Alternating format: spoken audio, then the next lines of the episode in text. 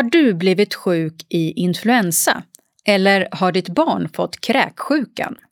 Idag ska vi prata om vad du ska göra om du eller ditt barn blir sjuk och du inte kan jobba.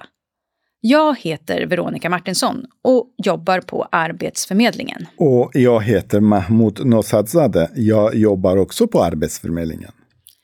För det första, om du ligger hemma med feber så vill vi att du ska krya på dig snart. Ja, det vill vi. Men vi vill också påminna om vad som är viktigt att göra när du är sjuk. Ja, låt oss börja. Vare sig det är du eller ditt barn som är sjuk så behöver du ta kontakt med din arbetsgivare så fort som möjligt. Hur du gör det är något som du får komma överens med din arbetsgivare om. Om det är du som är sjuk så behöver du ofta inte göra mer än så första veckan. Förhoppningsvis är du tillbaka på jobbet om några dagar. Och under tiden du är sjuk så ska du få sjuklön från din arbetsgivare. Men om det är ditt barn som är sjuk så behöver du göra något annat, eller hur? Ja, då behöver du anmäla det till Försäkringskassan. Mohammad Al-Katan arbetar på Försäkringskassan. Vi har frågat honom vad man ska göra. Om ditt barn blir sjuk kan du stanna hemma från jobbet och ta hand om barnet. Det kallas att vabba. Om du går miste om lån under tiden du är hemma med ditt barn ska du ansöka om ersättning för vab hos Försäkringskassan. Det gör du enklast i Försäkringskassans app eller på mina sidor på Försäkringskassans webbplats. Om barnet är sjukt i mer än sju dagar behöver du ett intyg från en sjuksköterska eller en läkare för att du ska kunna få ersättning. Barn blir ju sjuka ofta, så den här appen känner jag till. Jag har den faktiskt på min mobil. Bra jobbat! Ja, men nu ska vi prata om vad som händer om du är sjuk mer än en vecka.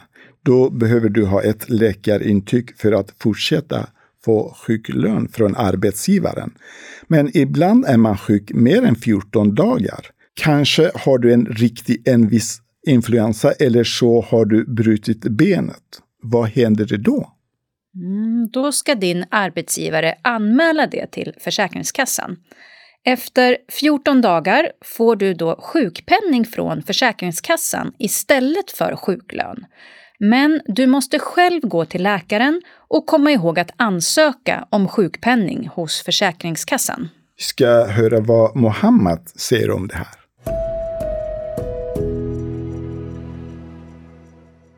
Läkaren skriver ett läkarintyg och skickar in det till Försäkringskassan. Om du blir sjukskriven under en längre tid kommer du också att få kontakt med en handläggare på Försäkringskassan som stöttar dig så att du blir frisk och kan börja jobba igen. Sjuklön från arbetsgivare och sjukpenning från Försäkringskassan det gäller bara för personer som har en anställning. Om du är egenföretagare, studerar, är arbetslös eller deltar i ett program hos Arbetsförmedlingen kan reglerna se annorlunda ut.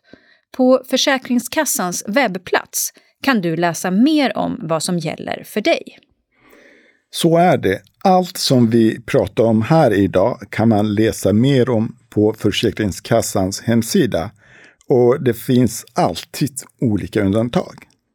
En sak som är viktig och som vi behöver prata om är det som heter SGI, sjukpenninggrundande inkomst.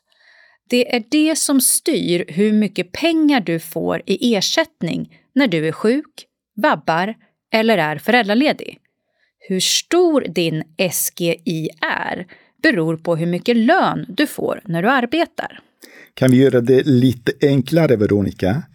Om jag har en hög lön kommer min ersättning vid sjukdom eller vab vara större än om jag har en låg lön. Din SGI beror på alltså hur mycket du tjänar. Helt riktigt. Men många vet inte att man måste skydda sin SGI. Mohammad får berätta varför det är så viktigt.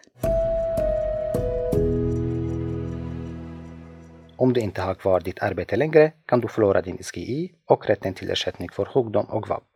Om du till exempel blir arbetslös är det viktigt att du blir inskriven på Arbetsförmedlingen och söker arbete från första arbetslösa dagen. Det kan vara ett sätt att skydda din SGI.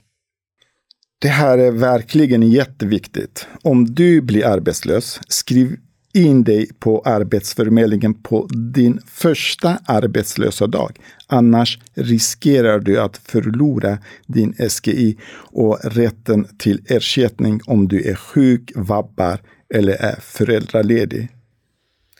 Innan vi avslutar för idag så ska vi få några sista ord från Mohammad. Han berättar om hur man på bästa sätt kommer i kontakt med Försäkringskassan. Det enklaste är att du kontaktar oss via vår webbplats försäkringskassan.se. Där finns information och på mina sidor kan du ansöka om olika ersättningar som du kan ha rätt till. Om du använder våra e-tjänster på webben går det snabbare för oss att handlägga ditt ärende och du kan få din ersättning snabbare. Du måste ansöka om ersättning för att du ska kunna få några pengar från oss. Bra! Stort tack till Mohammed Al-Katan från Försäkringskassan och tack till dig Veronica för att du suttit här i studion med mig idag. Mm, tack själv Mahmoud. Och självklart tack till våra lyssnare. Hoppas ni håller er friska. Men om inte så vet ni vad ni ska göra. Du har lyssnat på Arbetsförmedlingens Ny i Sverige-podd. Du hittar alla tidigare avsnitt på Arbetsförmedlingens Play-sida. Har du frågor, tips eller funderingar? Mejla oss på podcast arbetsformedlingen.se. Det här avsnittet producerades våren 2023.